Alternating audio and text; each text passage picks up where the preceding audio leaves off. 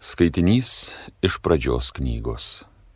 Viešpats Dievas tarė, negera žmogui būti vienam. Padarysiu jam tinkamą bendrininką. Taigi viešpats Dievas padarė iš žemės visus laukinius gyvulius, bei visus padangių paukščius ir atvietė juos pas žmogų parodyti, kaip jis juos pavadins. Kokiu vardu žmogus pavadins kiekvieną gyvą būtybę, toks turės būti jos vardas. Žmogus davė vardus visiems galvijams, visiems padangių paukščiams ir visiems laukiniams žvėrims, tačiau savo tinkamo bendrininko nesurado. Tuomet viešpats Dievas užmigdė žmogų kietų miegu ir jie miegant išėmė vieną jo šonkaulių, o jo vietą užpildė raumenimis. O iš šonkaulio, kurį viešpats Dievas buvo paėmęs iš žmogaus, padarė moterį ir atvedė ją pas žmogų. O žmogus ištarė, ši pagaliau yra kaulas mano kaulų ir kūnas mano kūno. Ši bus vadinama moterimi, nes iš jos vyro ji buvo paimta. Todėl vyras palieka savo tėvą ir motiną, glaudžiasi prie savo žmonos ir jie tampa vienu kūnu.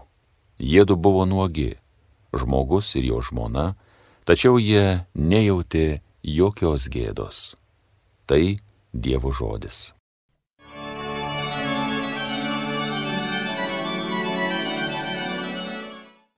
Laimingi visi, kurie viešpaties bijo.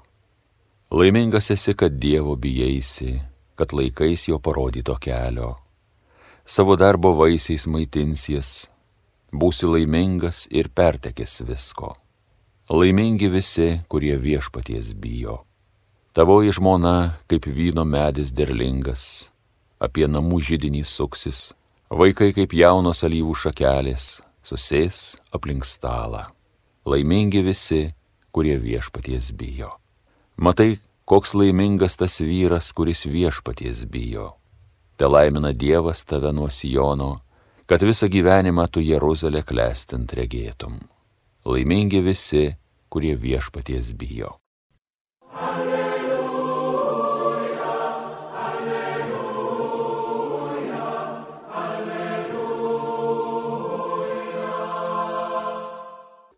Su romumu priimkite įdėktą į žodį, kuris gali išgelbėti jūsų sielas.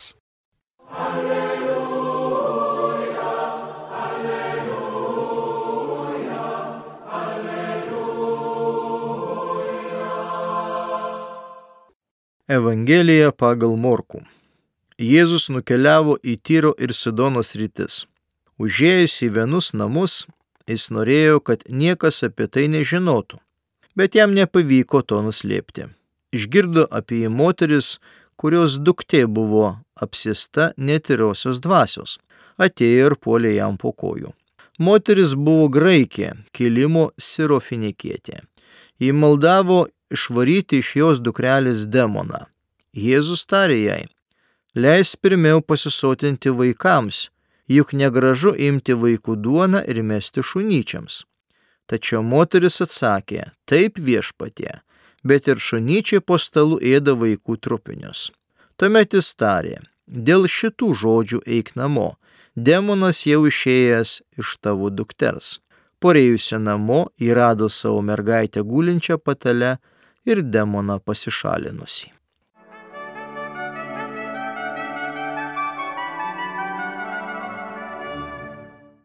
Brangus Marijos radijo klausytojai, ką tik tai girdėta Evangelija apie svetimšalės mergaitės išgydymą, taip pat aptinkama ir Mato Evangelijoje 15 skyriui nuo 21 iki 28 eilutės.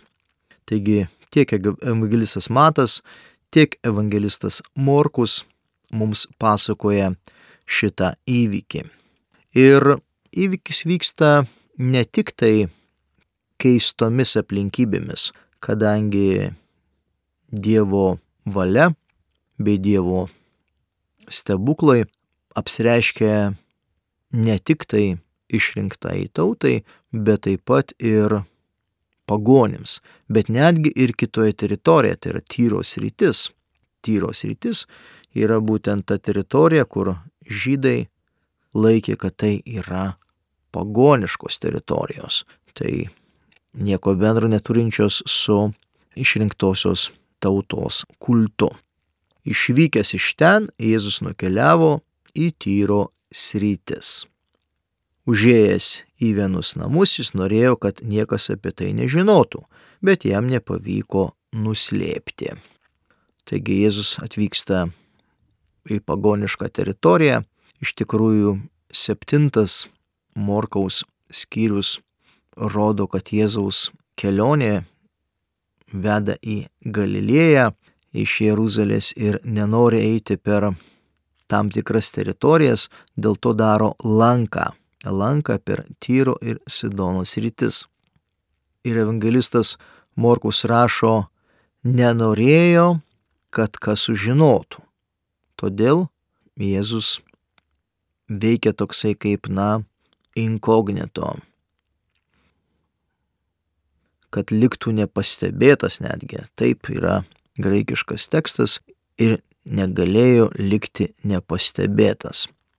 Sekanti eilutė išgirdo apie moteris, kurios duktė buvo apsista netirosios dvasios. Atėjo ir puolė jam po kojų. Ir evangelistas tarytum pabrėžia tos moteris kilmę, nes Tyras ir Sidonas yra graikiškos teritorijos, o moteris buvo graikė. Pabrėžėmės jos būtent tą kilmė, tai yra pagonė kitais žodžiais.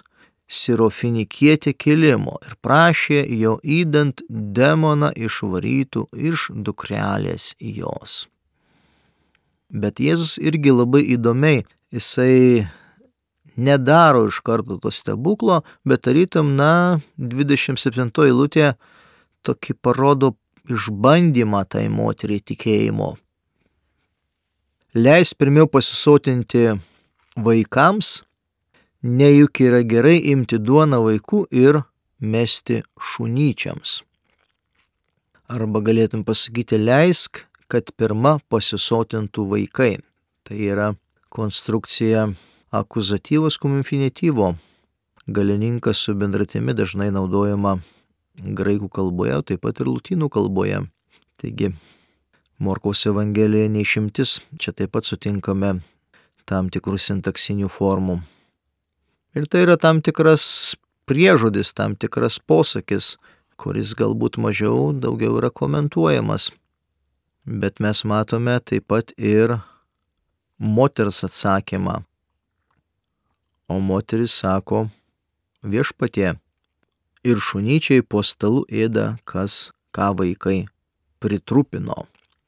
Dažnai pamokslininkai ir tam tikri teologiniai rateliai kalba, kad na, šunyčiai arba šunys dažnai yra tapatinami su pagonėmis.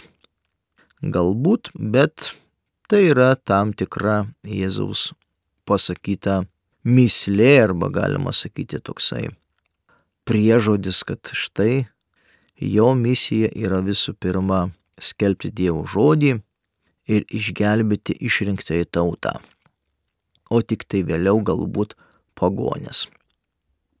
Bet kuomet moteris taip atkakliai prašo dėl savo dukters, tuomet jis tarė dėl šitų žodžių eik namo, demonas jau išėjęs iš tavo dukters. Išėjęs arba išėjo iš tavo dukters, nes tai yra būtent būtasis kartinis laikas, kuris jau, na, pabrėžia, kad jau tas laikas įvyko. Ką mes galime pasakyti apie šitą Evangeliją? Visų pirma, kad Jėzus veikia svetimoje teritorijoje, tai nėra Izraelio teritorija, kad Jėzaus taip pat išganomoji veikla yra nukreipta į pagonis, ne vien tik tai išrinktąją tautą. Ir kitas labai svarbus dalykas iš tos moters pusės, kad, na, tai yra prašymo arba užtarimo gestas. Tai yra pavyzdys, kad net pagonys, kurie, na, labai toli, toli tarytum yra nuo Dievo, žydų akise jie vis dėlto na, tarytum laimi kovą šitame žemiškame gyvenime, prašydami, netgi, netgi truputėlį ir kažką tai prarasdami, nulaidžiaudami, na ir to pasiekoje ta moteris turi būtent sveiką dukrą. Tai visų pirma ta užtarimo malda, kuri yra nuo senų laikų propaguojama pirmosios bažnyčios ir netgi Seno testamento tradicijoje. Mes žinome, kad pranašai, na, užtardavo arba prašydavo už tautą arba už tam tikrus asmenius pas Dievą. Čia taip pat ateina ir prašo pas Jėzų dėl sergančios dukters, kuri iš tikrųjų buvo apsista demono arba kuri turėjo demoną ir ji buvo išlaisvinta. Taigi, kuomet yra kažkoksai tai sudėtingas įvykis, tikrai mes esame pakviesti užtarimo maldai, esame pakviesti šiaip maldai ir kreipimasi pas viešpati Dievą.